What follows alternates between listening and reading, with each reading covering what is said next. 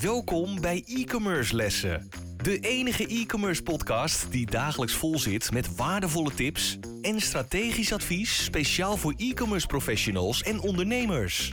Gegeven door twee ondernemers met vele jaren aan ervaring die hun strepen verdiend hebben in de marketing en e-commerce.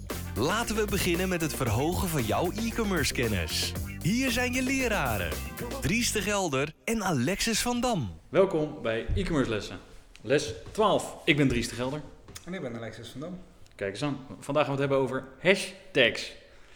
Juist. Waanzinnig belangrijk op social media. Wat kan je ermee? Wat doet het? En hoe belangrijk is het eigenlijk? Ehm, zal ik deze aftrappen, Alexis? Ja, prima. Ehm, allereerst is een hashtag ehm, natuurlijk een, een, een tekentje, zo'n hekje, wat je voor een woord zet. En eh, daarmee eh, betekent dat je bepaalde doelgroepen kunt aanmaken, een soort van. Dus ook heel makkelijk kunt zoeken. Als je bijvoorbeeld op Twitter, Twitter is ermee begonnen volgens mij, had je hashtags eh, DTV en dat stond voor durf te vragen. En als je daarop op dat uh, hashtagje zocht, dan zag je alle vragen voorbij komen en alle antwoorden daarop. Uh, super interessant om bepaalde content te volgen. Ehm, je hebt dit, die hashtags heb je op LinkedIn, je hebt ze op Instagram, je hebt ze op Pinterest, je hebt ze op Facebook. En eigenlijk uh, is een hashtag heel erg belangrijk voor de content die je post op dat social media platform. Um, om te beginnen met LinkedIn. Uh, LinkedIn is het handig dat je maar maximaal drie hashtags gebruikt. Uh, niet meer, uh, ongeveer rond de drie en zeker niet meer. Meer is niet nodig, meer is niet goed voor het algoritme van LinkedIn. Ehm, dus maximaal drie hashtags op LinkedIn. Bij Instagram is dit 30 stuks.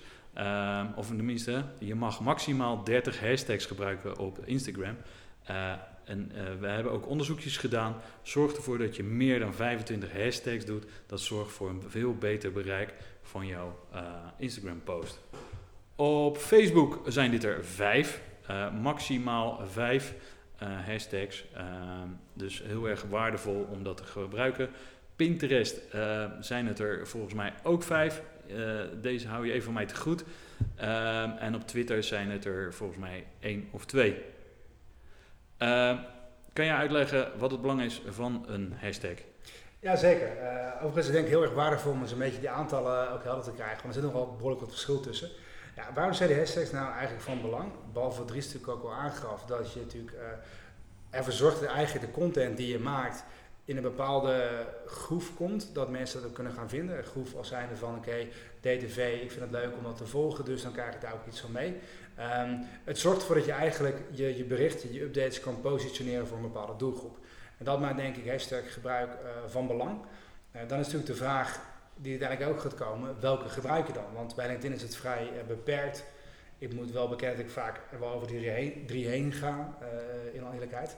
Uh, maar goed, uh, waarschijnlijk Instagram zit ik er vaak wat onder bij het totale aantal. Um, en het is natuurlijk een beetje, als je erover nadenkt even, het is een, een, raar spelletje. Want dat betekent dus eigenlijk dat, als je zo even op de nummertjes bekijkt, dat Instagram zonder hashtags eigenlijk gewoon nergens uitkomt. En dat met te veel hashtags op LinkedIn je ook geen kant uitkomt. dus wat het eigenlijk betekent is dat als je dat niet gebruikt, dat je bericht wel wordt geplaatst, maar eigenlijk niet wordt opgepakt door niemand niet. Dat is ook eigenlijk wel raar, want mensen abonneren je op dingen en ze volgen dingen, maar toch krijgen ze het dan niet. En um, laat dat even inzinken. Terug even dan, wat doe je dan? Ik denk als je wat meer hebt op Instagram, dat je dan ook heel makkelijk variaties kan gaan doen. Uh, webshop of webshops. Of uh, webshop Nederland of webshop in Randstad. Zo kan je heel makkelijk gaan variëren. Bij LinkedIn zal je veel meer, denk ik, uh, moeten gaan kijken naar de niche. Als je bijvoorbeeld zegt, ik heb een post over marketing, ja, dan ben je een van de honderdduizenden miljoenen. Dus dan kan je beter wat meer gefocust gaan doen. En dan zou je zelfs ook kunnen gaan kijken naar taal. Taal is natuurlijk ook nog een element. Uh, richt je op het Engels, richt je op het Nederlands, richt je op allebei. Hoe ga je daar dan mee om? Dus het is wel goed om uh, vanuit de marketing sowieso een beetje aan te nemen. Je moet alles beredeneerd doen. Je moet er even over nadenken. Niet zomaar wat doen. Kan wel even om te testen, maar daarna moet je wel een keuze maken. Hoe ga je verder? Dat je echt goed gaat nadenken over welke hashtags doe je. En met name LinkedIn denk ik dat consistentie erg van belang is. Dat mensen weten, oké, wat we in een andere les ook al hebben gezegd, person branding, diegene gaat daarover, want dat praat altijd daarover. Dus als ik aan dat denk, denk ik aan die persoon. Dan klopt het qua hashtags. Vanuit Instagram zou ik kunnen voorstellen, en vanuit Facebook ook een beetje, als jij je producten daar neer gaat zetten, dat je dan ook heel doelbewust de merknaam of het merktype of producttype erin gaat zetten, dat mensen daar gevonden kunnen worden. Of bepaalde versies ervan. Dus dat kan een beetje hopelijk richting geven van hoe je met hashtags kan omgaan. Ja, zeker. Uh, hashtag onderzoek is natuurlijk ook heel erg belangrijk voor de content die je post. Uh, zeker op uh, LinkedIn kan je bij wijze van spreken. Je wil mensen natuurlijk triggeren uit bepaalde doelgroepen om, te, om je bericht te laten lezen. Ehm, dus zorg je dat je drie hashtags hebt die aansluiten op de content die je biedt. Dan bereik je ook de juiste doelgroep, want mensen abonneren ze zich op die content. Ehm, dus dat is heel belangrijk op LinkedIn. Op Instagram ligt het vaak wat anders. Je kan inderdaad zeggen van nou, ik ga me uh, een heel breed, bijvoorbeeld uh, marketing. Uh, maar je kan ook al online marketing is al minder breed.